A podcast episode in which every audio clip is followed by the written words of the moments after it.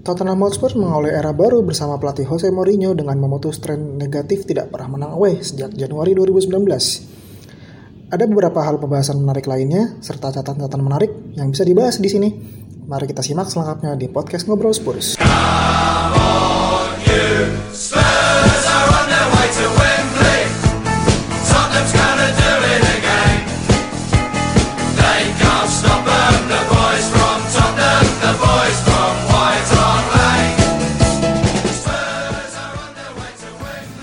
Halo guys, kembali lagi bersama gue Suryo di podcast Ngobrol Spurs. Eh, akhirnya setelah sekian lama gue bisa bikin episode yang proper. Jadi kemarin kebetulan selama international break, laptop gue mengalami masalah, tidak bisa menyala dan harddisknya juga ikut rusak. Uh, jadi banyak hal-hal yang tidak bisa gue selamatkan. Sebenarnya bisa, tapi mungkin gue harus keluar duit lebih banyak. Jadi gue tunda dulu buat ntar-ntar. Jadi gue uh, benerin laptop yang jadinya polosan lagi kayak baru lagi. Gue harus uh, biasanya podcast gue punya template tinggal masukin aja kan cepet tuh. Terus sama tinggal bikin thumbnail. Sekarang gue nggak punya software buat editing uh, visual buat bikin thumbnail. Uh, editing suara juga nggak ada. Makanya kemarin gue kan terakhir bikin episode emergency juga polosan kan. Gue tag rekam langsung upload aja udah. Yang bahkan gue nggak dengerin. Gue tahu tuh soalnya jelek banget pasti. Jadi uh, ya akhirnya gue setelah mengejar segala ketinggalannya gue baru sempat ngeberesin semua dan ya gitulah singkat cerita gue bisa bikin lagi. Jadi langsung aja episode kali ini uh, gue beri judul Welcome Mo selamat datang Jose.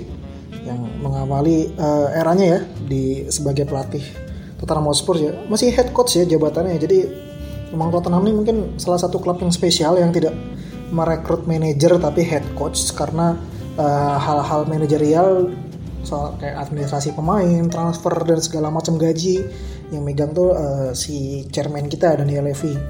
Masalah di lapangan taktis, pemain gitu-gitu ya yang megang ya si head coach ini yang mungkin di beberapa klub lain dipegang oleh manajer ya. Sebenarnya hal yang bagus. Uh, jadi sebenarnya idealnya bisa fokus ya, tapi ya nanti lah mungkin bakal jadi bisa pembahasan yang belok-belok sendiri gitu ya. Oke, jadi gue di sini mungkin bakal ada empat bahasan yang gue bahas, bahas di episode ini ya.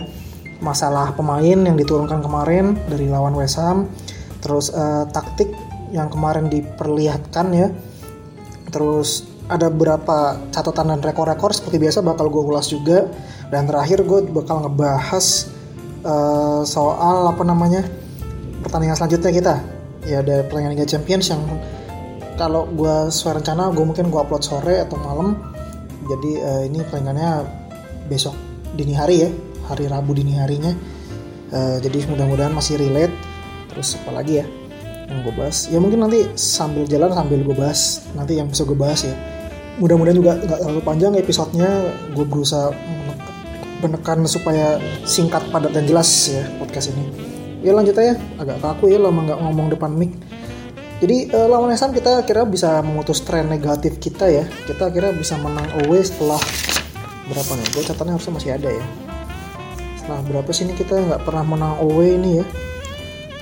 Hmm, kita nggak pernah menang away. Saya kan di Everton ya. Everton tuh kita Everton kita kalah itu kita 9 kali kalah tiga kali imbang ya di liga ya. Catatan yang sangat buruk yang ya akhirnya bisa diputus oleh the special one ini skornya 3-2 ya skor ini tidak merefleksikan jalannya pertandingan yang menurut gue ya kita sampai menit 60 tuh kita dengan nyaman bisa mengontrol pertandingan di segala lini. Kita nggak diserang sama sekali kita bisa meredam West Ham ini nggak bisa bikin build up play sama sekali ya nyampe depan nggak bisa. Bikin beberapa shoot yang tidak tidak cenderung tidak mengancam. Setelah itu kita malah agak kendor terus kita kecolongan dua gol ya di 15 menit terakhir ya. Jadi uh, gol-gol kita cetak oleh pertama Son Heung-min terus juga kemudian gol kedua dicetak oleh uh, Lukas Moura dan yang terakhir Harry Kane sendiri sebagai sang kapten. Terus apa lagi ya? Mungkin uh, dari line up ya. Line up sebenarnya yang kita mulai masuk bahasan ya nggak banyak berubah ya kalau menurut gue ya. Mungkin yang paling yang masih sama sih emang Pochettino kan juga eh Pochettino kan belum kebiasa coy. Uh, Mourinho sendiri ngomong dia nggak akan banyak merubah Tottenham ini karena uh, Pochettino udah membangun fondasi yang cukup baik tinggal uh, kasar itu kayak si Mourinho ini ngomong kayak Spurs ini kurang one last push aja nih. Satu kali dorongan lagi buat ngebikin uh, mereka bisa dapat trofi gitu. Dan yang mungkin tuh lah bakal dilakukan oleh Mourinho gitu. Dia nggak bakal nggak bakal bakal bikin banyak perubahan yang ekstrim karena tuh tidak bagus buat pemain juga ya. Mungkin musim depan dia baru bisa melakukan itu untuk penanaman filosofi taktisnya dia yang lebih jauh gitu. Sekarang dia cuma merapikan detail-detail kecil aja yang mungkin yang dia merasa kayak Spurs ini kurang di sini. Dan ya itu kemarin dilakukan oleh uh, Mourinho menurut gue kelihatan banget emang nggak banyak berubah tapi emang secara garis secara maksudnya secara gambaran besarnya nggak banyak berubah secara mainnya Spurs tapi detail-detail kecilnya sangat diperhatikan sangat diperhatikan oleh Mourinho ya diperbaiki sama dia. Terus uh, dari starting line up kiper Gazaniga masih uh, di bench ada uh, si siapa namanya? Austin kiper muda. Soalnya Loris cedera dan secara mengejutkan form yang baru direkrut secara gratis kemarin juga cedera juga ya. Itu aneh banget tapi ya udahlah. Uh, terus apa namanya?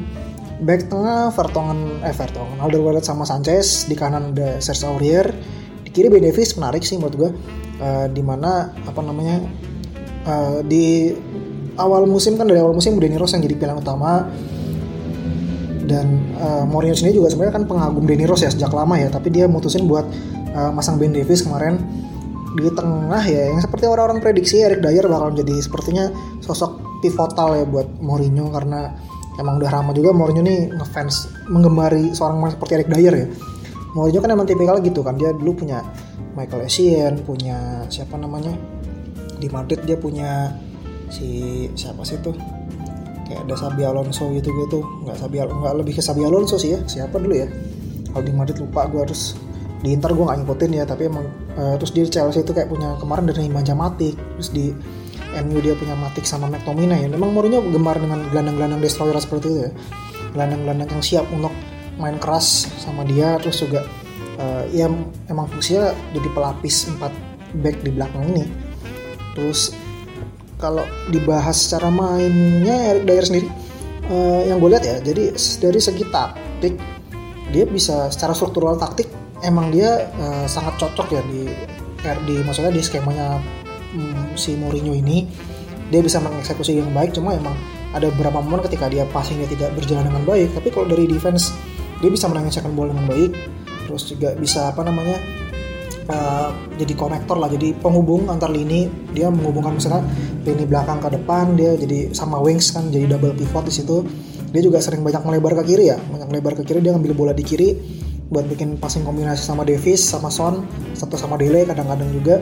Ya itu sih mungkin yang peran yang diharapkan Mourinho ya. Mungkin masalah uh, passing segitu segala-galanya kan sentuhannya itu mungkin dia belum kembali ke sentuhan terbaiknya dia ya. Dia udah lama dipinggirkan dari squad utama. Musim lalu juga kita tahu sendiri dia cedera panjang yang membuat dia uh, tidak bisa menjaga performa dia ya. Dia akhirnya berapa kali sempat main bagus itu. Tapi emang kemarin tuh dia masalah cedera dan sakit bertubi-tubian yang bikin dia nggak bisa tampil ya. Terus dia musim ini juga mau nggak mau secara packing order ya turun pasti ya. Beda. Maksudnya biasanya kan Pochettino masang Sissoko sekarang Mourinho masang Dyer gitu.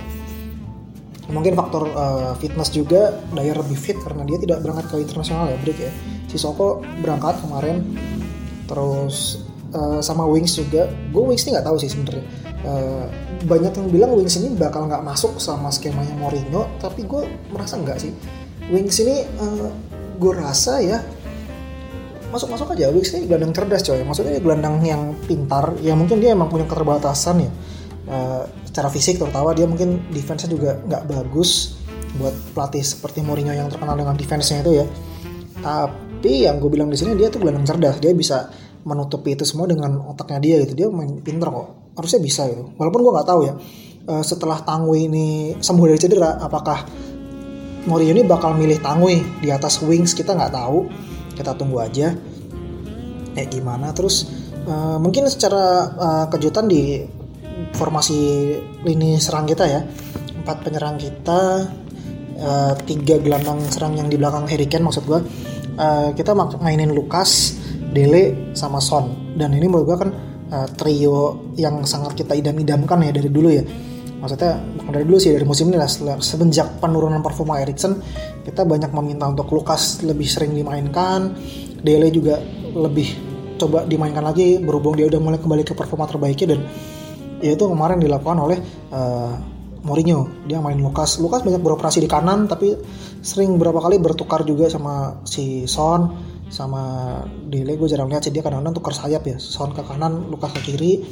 Terus apa namanya hmm, atau enggak kadang-kadang mereka gerak bareng juga di satu sayap satu sisi.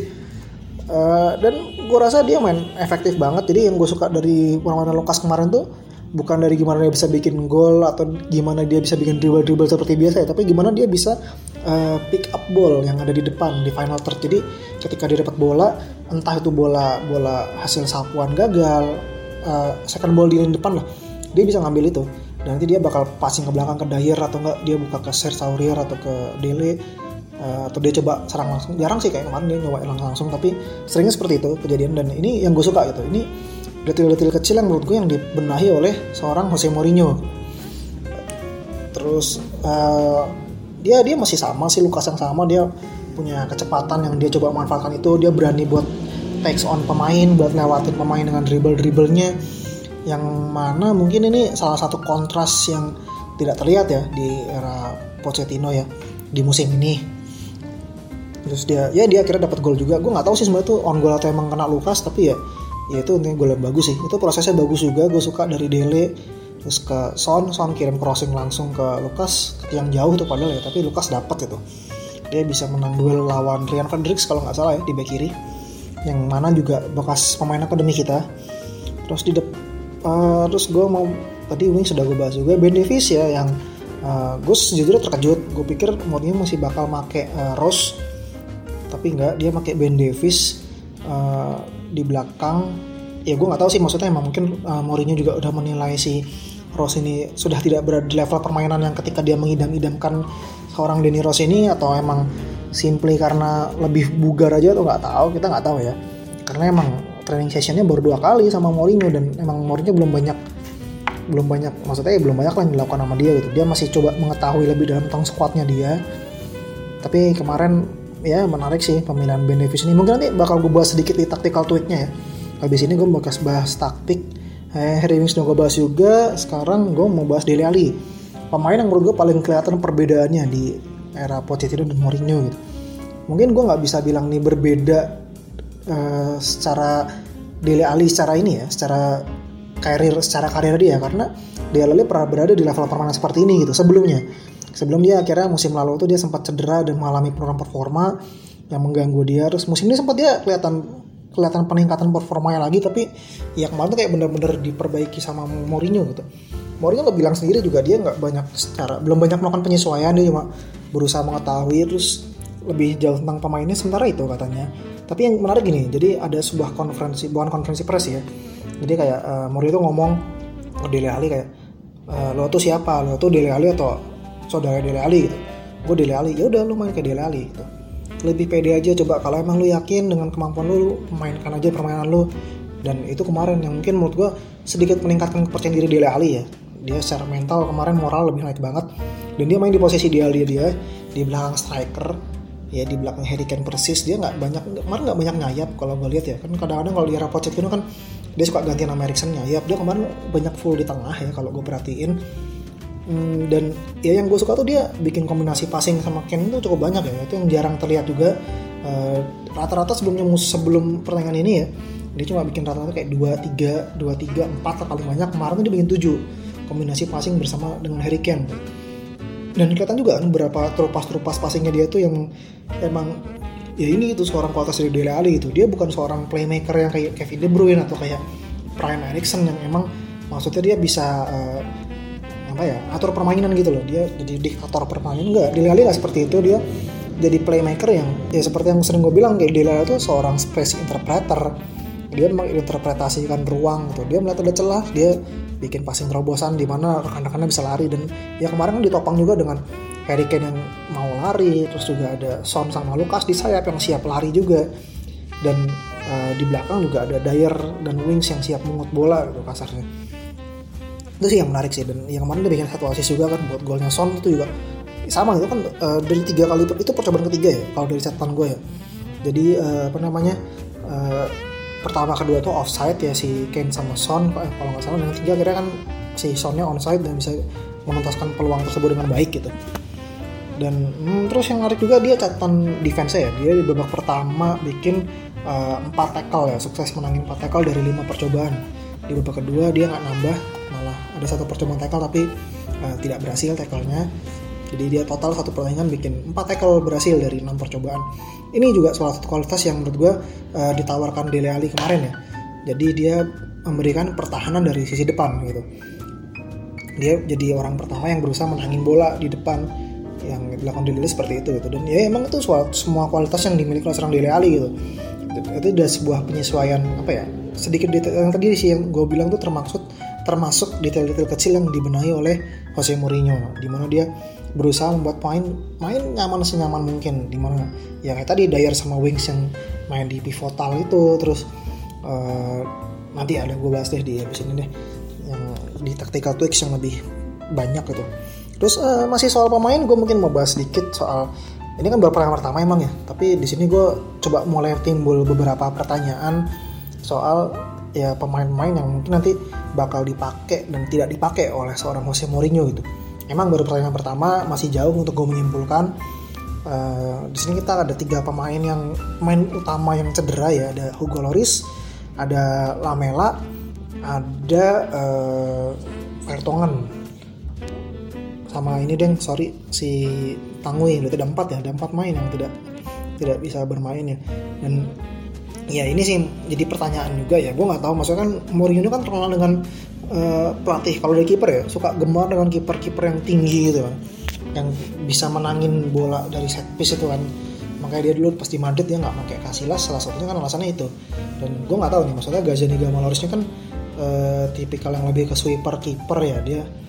Gue gak tau sih Gazzaniga ini hitungannya kiper tinggi atau bukan. Loris kan enggak Loris kan kiper kiper nanggung kan tingginya nggak sampai tinggi banget gitu. Maksudnya ya ini menarik sih maksudnya gimana nanti si Mourinho bakal pakai ini soalnya kalau menurut gue uh, gue nggak yakin sebenarnya Mourinho ini suka sama Paulo Gazzaniga ya kalau buat gue gue nggak tahu ya karena ya biasa lah maksudnya Mourinho kalau dari segi kiper ini biasanya ya dia suka kiper yang memberikan bisa sense of stability rasa tenang di belakang gitu. Maksudnya Gazzaniga kan malah udah nyantrik ya dengan passing-passingnya yang suka ngecip ke kiri, ngecip ke kanan gitu. Terus dia suka kadang-kadang ya emang lebih berbahaya gitu. Apalagi Loris yang rawan blunder gitu.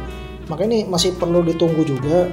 Mungkin nanti baru kelihatan ketika Loris sembuh cedera ya. Kalau uh, Mourinho nggak pakai Loris ya mungkin ini sebuah tanda kalau dia mau menghilangkan Loris dari Tottenham. Atau juga mungkin kalau dia pakai Loris ada tanda-tanda juga sebenarnya dia nggak mau pakai Gazzaniga gitu. Masih serba tanda tanya juga. Lamela Lamela ini gue nggak tahu kenapa uh, pemain yang gue rasa paling tidak cocok dengan skema yang Mourinho ya. Mungkin ya gue nggak tahu. Maksudnya dia kan Lamela ini kan lebih ke advance attacker ya. Dia winger cepat bukan uh, pemain attacking midfielder yang bisa kasih trade trade trade final third. Maksudnya dia punya output yang bagus juga enggak masalah crossing dan maksudnya assist dan finishing dia nggak terlalu bagus tapi ya dia punya hal-hal yang bisa ditawarkan dan itu gue nggak tahu kualitas itu apakah yang diinginkan Mourinho atau bukan gitu. Dan dia lagi cedera juga kita nggak tahu gitu. Dan Lamela kan salah satu pemain yang ya bisa dibilang sayangannya Pochettino ya ini karena faktor kesamaan uh, negara mereka juga komunikasi lebih enak dan ya emang permainan keras yang ditunjukkan Lamela itu sebenarnya permainan yang Pochettino banget gitu. Pressing pressing yang dilakukan oleh Lamela gitu. Kita nggak tahu masih tunggu aja. Troy Parrott juga kemarin secara mengejutkan tidak disertakan dalam 20 pemain yang berangkat ke West Ham ya.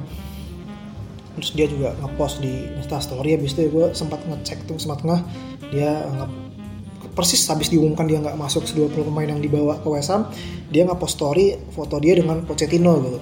Gue nggak tahu gue menangkap ini mungkin tanda-tanda tidak enak ya. Dia mungkin merasa kayak Mourinho mungkin nggak mau pakai dia atau nggak mau kasih kesempatan dia kita nggak tahu. Ya gue sih sebenarnya udah banyak yang menilai tinggi seorang Troy Parrott ini ya. Bahkan dia kemarin udah debut di timnas itu buat main usia 17 tahun. Tapi ya gini mungkin intinya menurut gue uh, Troy harus seperti yang kemarin dia bilang dan Pochettino bilang harus sabar uh, kesempatan itu bakal datang dia sekarang tuh dia gimana bisa maksudnya menyiapkan diri secara kualitas dan mental dan fisik juga karena ya beda level profesional dan level junior gitu. Dia buat sampai level U23 menurut gue udah oke okay, udah cukup lebih dari udah terlalu bagus lah. Tapi dia uh, buat level senior juga mungkin belum sebagus itu gitu. Dan itu harus ya sabar-sabar dan tetap berusaha aja Troy gitu. Terus Walker Peter juga kemarin yang dinyatakan fit sebenarnya. Dia tidak berangkat international break juga. Ada di Hotspur Way terus dia untuk latihan. Uh, tapi dia uh, tidak diikut sertakan dalam squad juga kemarin kalau nggak salah ya. Ini juga memberikan pertanyaan. Di konferensi pers setelah pertandingan juga Mourinho ngomong kalau Aurier baru datang dua hari sebelum pertandingan tuh. Dia jelas tidak fit itu tapi uh, Mourinho masih tetap memilih untuk memainkan uh, Serge Aurier ketimbang Walker Peter yang lebih fit. Kalau dari segi fitness ya ini juga jadi pertanyaan apakah uh, Mourinho tidak menilai tinggi seorang Walker Peter juga masih kita tunggu. Lalu Juan Foyt terakhir nih mungkin main yang jadi tanya juga. Uh, kemarin dia ada di bench tapi kita nggak tahu apakah uh, maksudnya dia ini bakal di kalau Pochettino kan kemarin berapa kali masang dia sebagai back kanan ya. Sempat dimain back tengah juga atau back ya antara dua posisi itulah. Kita masih belum tahu Mourinho gimana bakal pakai Void terus uh, ada satu lagi yang gue lupa Erikson. Kemarin gue juga sebenarnya kaget Erikson main. Gue pikir Mourinho bakal nyoba Lo Celso ternyata enggak. Lo Celso sorry. Gue kayaknya ngomongnya harus biasa Lo Celso. Erikson main dan tidak berkontribusi apa pun tetap jelek. Tetap Erikson yang kita tahu di Spurs dalam beberapa waktu terakhir nih yang menarik gini tapi Mourinho ngomong sebelum dan setelah pertandingan ya dia bakal pakai pemain yang memang komit dengan Spurs mau main buat Spurs. Hatinya dari Spurs dan dia di, setelah pertandingan dia ngomong. Soal Erikson ini dia masih harus mencari lebih tahu apakah Erikson ini masih mau main buat Spurs apa enggak? Karena itu menurut dia menurut dia tuh hal yang paling penting. Kalau emang dia sudah nggak mau uh, apa namanya main untuk Spurs ya dia harus cari alternatif. Dia terpaksa tidak bisa mainin dia gitu. Ini tuh kalau kemarin gue diceritain sama teman gue ya jadi kejadiannya sama kayak Robin di Chelsea. Dia Mourinho tuh nggak mau jual Robin dia suka sama Robin tapi Robin sendiri tuh udah minta pindah ke Madrid ya. Dia udah buat, buat apa gitu nahan-nahan pemain seperti itu. Ya dia menjual harus menjual Robin walaupun dia nggak mau karena emang situasinya Robin tidak mau bermain untuk Chelsea waktu itu ya. Dan mungkin ini bakal kejadian sama dengan Erikson ya mungkin Mourinho di sisi satu sisi dia tahu kualitas Erikson seperti apa. Dia udah beberapa kali jadi lawan Erikson dia mungkin juga di kepala dia udah pikiran ada ada pemikiran gimana untuk mengeluarkan sisi terbaiknya Erikson juga versi Mourinho. Tapi ya tadi balik lagi kalau emang Erikson sudah tidak mau main untuk Spurs ya Mourinho harus mikirin buat uh, ke depannya gimana solusi yang terbaik buat kedua belah pihak gitu ya buat main tuh aja jadi kebanyakan. Terus uh, mungkin gue bakal tactical tweak ya sedikit. Uh, jadi um, dua yang paling mencolok tuh kita sebenarnya dari building up playnya kita pakai dua holding wing sama si Soko eh si Soko kan. Wing sama Dyer sendiri di sini tidak banyak memberikan support serangan ya. Mereka banyak stay sampai di tengah aja. Jadi di sini tugas mereka tuh satu mereka di sini harus uh, win second ball dan ini kelihatan banget kemarin 60 menit pertama ini Spurs benar-benar menangin second ball semua. Jadi uh, ketika satu pemain coba duel ya entah ada Serge Aurier yang bisa duel juga Ben Davis atau Dyer atau Wings yang dua pemainan ini udah udah seperti tahu udah standby posisinya udah disesuaikan uh, di mana mereka harus bisa menangin second ball menangin bola dari uh, duel tadi tersebut gitu. Ya misalnya banyaknya kayak ketika uh, si West Ham coba mungkin main lebih direct ball atau main dari goal kick itu kan yang selama ini menurut gue udah gak kelihatan ya setahun ini di Pochettino yang di taktik eh di Spurs Pochettino gitu.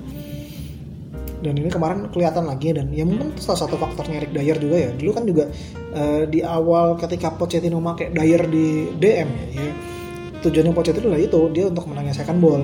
Yang di mana ini sebenarnya uh, peran yang sangat penting sekali ya buat tim yang mengandalkan pressing gitu kemarin pressingnya Spurs juga gue suka mainnya uh, jadi tidak terlalu maksudnya pressingnya lebih lebih apa ya lebih taktis dan terorganisir sih kalau buat gue ya. karena uh, gini ketika terakhir eh, belakangan saat dipegang Pochettino ini ya uh, Spurs ini banyak pressing ngepres ngepres tapi mereka selalu ngepres kayak ya udah mereka cuma menekan satu ruang passing tapi tetap musuh bisa passing pasti selalu ada celah buat passing dan ya itu yang kadang-kadang sering bikin kita kecolongan gitu sedangkan kemarin Mourinho enggak. Mereka, di tengah tuh mereka kita bisa bikin West Ham ini tidak nyaman untuk pegang bola itu yang gue suka juga. Terus dari pressing mungkin itu dari segi serangan juga uh, serang kita sentral ke Dele Ali terus uh, ada Son sama Lukas yang siap lari juga untuk pick up ball. Harry Kane juga sama. Harry Kane juga ini posisinya berusaha menyesuaikan banget. Dia kadang uh, standby di second line di lini kedua kalau Son sama Lukas naik atau dia yang naik ketika uh, Son sama Lukas yang di belakang gitu. Mungkin kemarin masih belum kelihatan belum uh, beradaptasi penuh ya dengan uh, arahan taktiknya Mourinho ya kalau menurut gue karena ada beberapa kali ketika dapat bola dia offside gitu. mungkin ya ini kelihatan sebenarnya skema yang coba dicoba di sesi latihan tapi belum benar-benar bisa dieksekusi dengan baik.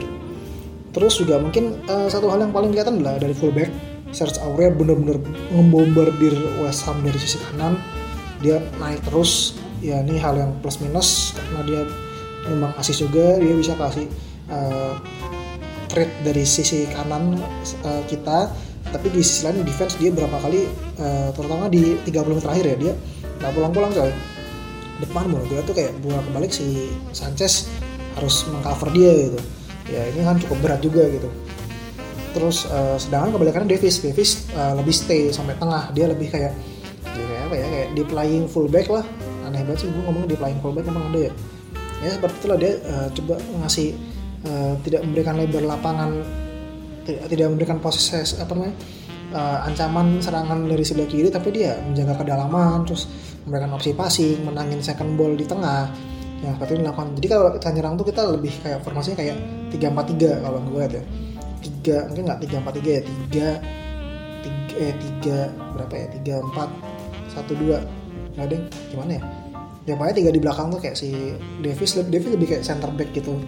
Davis tuh di sayap ada ada Dyer yang kalau nyerang ya Dyer ada yang ngiri wingsnya stay di tengah terus Sonnya naik terus di Reali di belakang Ken Ken tengah Lukas kanan sama si Aurier di posisi tengah juga. Ya kurang lebih gitulah. Mungkin semoga kebayang apa yang gue maksud ya ini juga uh, menurut gue ini ada detail-detail kecil yang sebenarnya kita udah sering lakukan itu tapi ya ini coba diaplikasi sama Mourinho gitu. Balik lagi Mourinho bilang dia belum bisa ngasih efek banyak. Ketika dia menang juga dia ngomong kayak gue nggak ngasih gue ini bukan pengaruh gue gitu. Gue cuma ngebantu mereka buat menang tapi yang mereka lakukan selama ini lah yang biasa mereka lakukan gitu. Gue cuma ngasih sedikit-sedikit detail kecil aja gitu. Dan kemarin kelihatan memang seperti itu dengan Mourinho. Dan dia ngomong mungkin iya kasih gue waktu 2-3 bulan lah buat bakal ngeliat bentuk permainan yang mungkin bakal terbentuk sama dia yang Mourinho mau ya kita tunggu aja lagi-lagi. Terus mungkin uh, dari defense yang gue paling gue sorotin ya jadi uh, di 60 menit awal gue suka banget. Ini gue merasa kayak ini Spurs yang gue suka nih. Spurs zaman dulu tuh yang ketika di era-era kemasannya Pochettino Spurs yang bikin uh, lawan ini nggak bisa bikin shoot sama sekali gitu.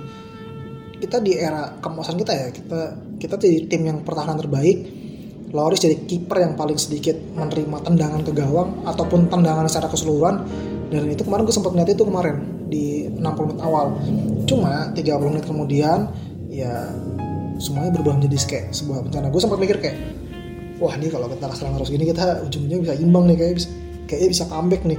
Hampir kan bener kan. Cuma ya untungnya nggak kejadian kita. Bobolan dua gol yang menurut gue hitungannya mudah ya. Uh, satu golnya pertama tuh siapa sih yang kecolongan ya kalau nggak salah ya?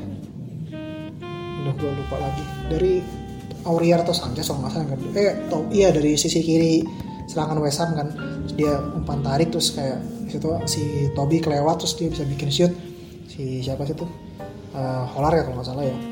Terus uh, gol kedua dari set piece dari corner ya mungkin ya ini bakal jadi PR juga. Mourinho mungkin ya bakal sebulan ini mungkin dia bakal nge, nge-push drillnya di defensive defense set piece ini ya ya berapa tim di era Mourinho ini dia tim-tim yang bisa memaksimalkan set piece dan uh, sedikit kebobolan dari set piece ya. Sedangkan Spurs ya Pochettino dari awal Pochettino masuk sampai akhirnya emang salah satu kelemahannya set piece gitu. Bahkan di era kemasan pertahanan kita ya salah satu cara untuk membobol Spurs adalah set piece selain counter attack ya.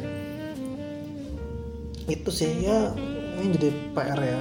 Terus ya mungkin dari taktik itu terus uh, ada beberapa catatan-catatan menarik ya. Mungkin yang pertama gue Son Heung-min dulu. Gue bisa bilang Son Heung-min ini spesialis pemain pertama ya. Artinya gini uh, maksudnya dia pernah debut langsung bikin gol pertama kali bikin gol. Kemudian dia di pertandingan pertama stadion baru lawan Crystal Palace waktu itu ya dia langsung bikin gol gol pertama membuka. Di Liga Champions gol pertama di stadion baru juga Son Heung-min yang gol yang bikin gol kemudian sekarang juga sama. Di era Jose Mourinho dia yang pertama kali bikin gol. Emang dia kayak senang jadi orang yang pertama ya. Kayak gue perawanin dulu coy. Gue pertamaksin dulu.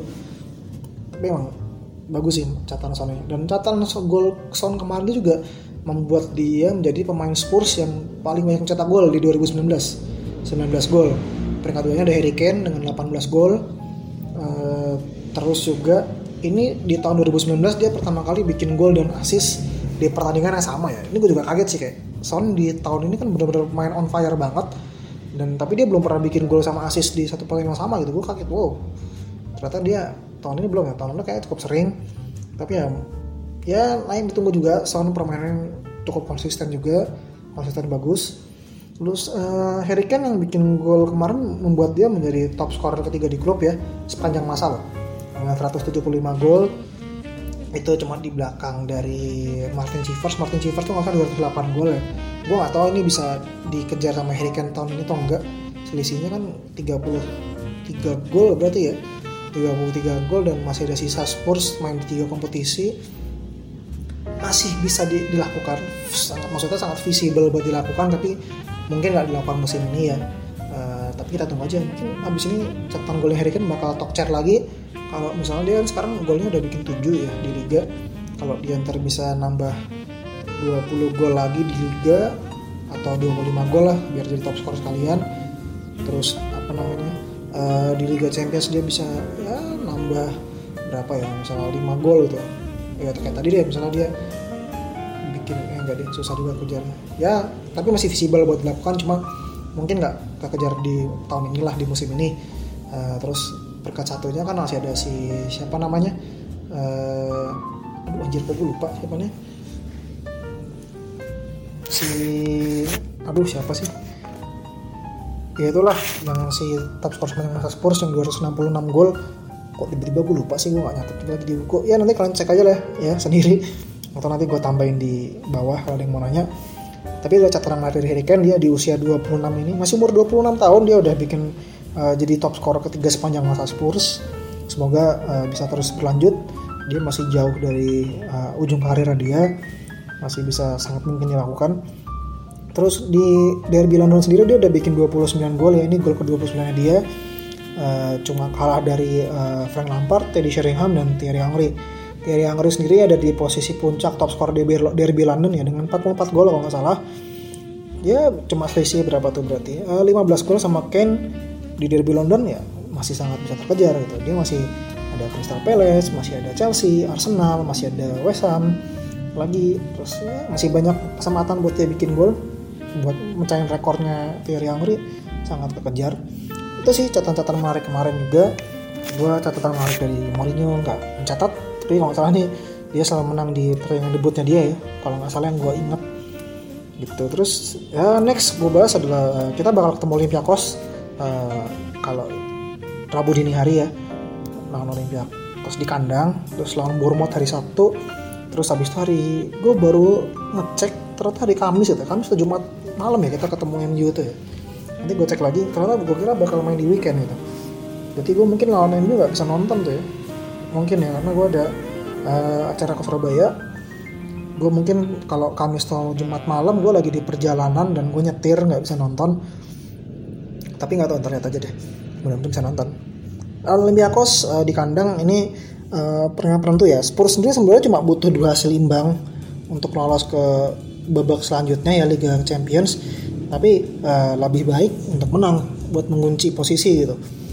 Olympiakos sendiri juga nggak bisa diremehkan ya. Dia walaupun perang rumahnya dia setelah lawan Spurs kemarin setelah kalah lawan Red Star sih lebih tepatnya ya. Dia naik turun. Di liga juga udah nggak sih impresif 10 pertandingan awal ya.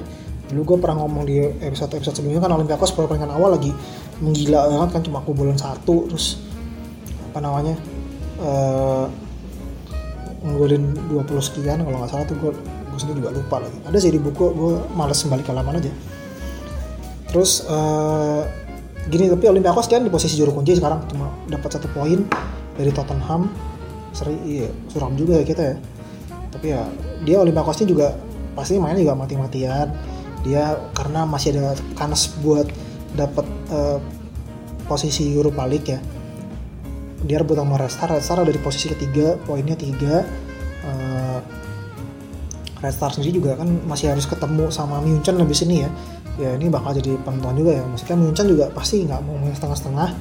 Karena selain membangun momentum juga ya dia berusaha mengunci posisi uh, juara grup ya kita masih secara matematis pasti bisa kejar sama apa namanya sama Spurs soalnya. Walaupun susah ya dia harus kalah dua kali.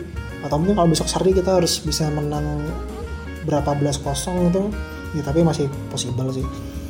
Tapi ya maksudnya pasti Munchen juga berusaha ya berusaha lolos dengan meyakinkan lah gitu. Hmm, tapi ya menarik ya lawan Olympiakos ya nggak bisa diremehkan tapi untung kita main di kandang. Uh, tetap harus bisa lebih mati-matian. Tapi ya kalau kita bisa main kayak kemarin uh, dengan kualitas yang lebih kita secara kualitas menang. Di atas Olympiakos jelas dan ya tapi kayak kemarin sih detail-detail kecil kayak terutama 30 menit terakhir ketika lawan West Ham jangan sampai diulang lagi karena beda West Ham sama Olympiakos ya. Olympiakos kemarin kan kita tahu ketika pertemuan pertama kita di Yunani sono mereka main bisa sangat ofensif mereka bisa benar-benar mengeksploit segala kelemahan kita dan ya kalau kita sampai lengah ya Olympiakos bakal menghukum kita gitu dan bakal mempersulit kita buat lolos gitu. Ya secara matematis ya masih bisa lolos si siapa namanya uh, Red Star juga di posisi kedua gitu.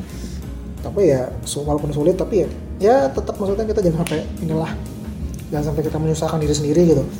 Ngebawa ngebawa ini sampai ke match day terakhir ke München gitu. Kayak tahun lalu kita kan baru bisa memastikan kita lolos di pertandingan terakhir lawan Barcelona away di Camp Nou. Jangan sampai ini keulang lagi gitu. Itu aja sih. Terus lawan Bournemouth juga minggu depan hari Sabtu ya menurut gue ini uh, juga kesempatan yang bagus maksudnya seminggu untuk membuktikan kualitasnya Tottenham sebelum kita dapat ujian sesungguhnya lawan MU ya. Uh, MU sendiri juga bukan dalam belum dalam performa terbaiknya. Uh, ada gosip-gosip ya oleh ini bakal dipecat juga tapi ya MU ini kalau tim-tim gede ini emang suka usil gitu kalau diperhatiin ya. Ya dia di awal musim lawan Chelsea menang 4-0 tuh walaupun mainnya bagusan Chelsea jauh gue nonton tuh tapi ya dia bisa menang 4-0 kemarin lawan Liverpool juga bisa menang ya jangan sampai kita jadi korban-korban yang seperti ini lagi lah gitu. Dan ya buat ngejar posisi kelas main kita juga gitu. Ya kalau skenario terbaiknya kan mungkin minggu depan Oleh masih ditahan. Kita menang lawan uh, Eminya Oleh terus Oleh pagi dipecat. Itu kan sweet banget itu buat Mourinho kan. Dia ngegeser pelatih yang bikin dia cabut gitu ya udah itu aja sih mungkin buat episode kali ini. Uh, sekali lagi terima kasih udah dengerin. Uh, mungkin mohon maaf ya uh, beberapa kendala teknis. Mungkin gue nggak tahu ya udah pendengar setia atau enggak. Tapi gue berterima kasih banget buat kalau ada pendengar setia yang mau nungguin podcast ini. Mungkin juga gue minta maaf kemarin ada kendala teknis yang uh, mungkin harusnya gue bisa tanggulangi ini dengan lebih baik. Tapi gue tidak bisa uh, menanggulangi ini. Jadi gue mohon maaf terus juga mungkin gue gue sendiri ngerasa kayak selama gue take 36 menit ini ya uh, agak kaku ya. Mungkin gue kemarin-kemarin udah sempet nemu enaknya gue ngobrol di podcast ini terus gue hari ini agak kaku ya kayaknya ya. Ya udah lama nggak di belakang mic sih gue tapi ya semoga uh, intinya semoga yang mau gue sampaikan bisa disampaikan dengan baik bisa dimengerti bisa dipahami. Dan seperti biasa kritik saran masukan sangat terbuka gue terima Uh, jangan lupa juga di follow sosial media kita di Twitter at ngobrol Spurs engagement lagi rame coy. Belakangan gue lagi semangat konten juga di situ. Uh, Instagram juga sama ngobrol Spurs juga. Dan karena ya kalau mau di follow follow aja. Cuma gue belum bisa konten. Kemarin gue udah sempet ngedraft ngedraft juga yang mau gue taruh Instagram. Tapi gue lupa lupa password coy. Soalnya gue login di laptop laptopnya rusak ya gitu deh. YouTube juga ada cuma ngobrol Spurs juga. Cuma ya tadi lah. Seperti biasa kendalanya adalah karena gue ngerjain ini sendiri dan uh, ini sampingan gue nggak bisa full time di sini jadi dengan segala keterbatasan gue mohon maaf. Tapi gue sangat berterima kasih kalau kalian yang mau ngikutin kita. Ya deh. Itu aja buat gue di episode kali ini. Uh, ya sekali lagi terima kasih buat yang dengerin. Uh, gue Suryo pamit dulu. Sampai ketemu di episode selanjutnya. See you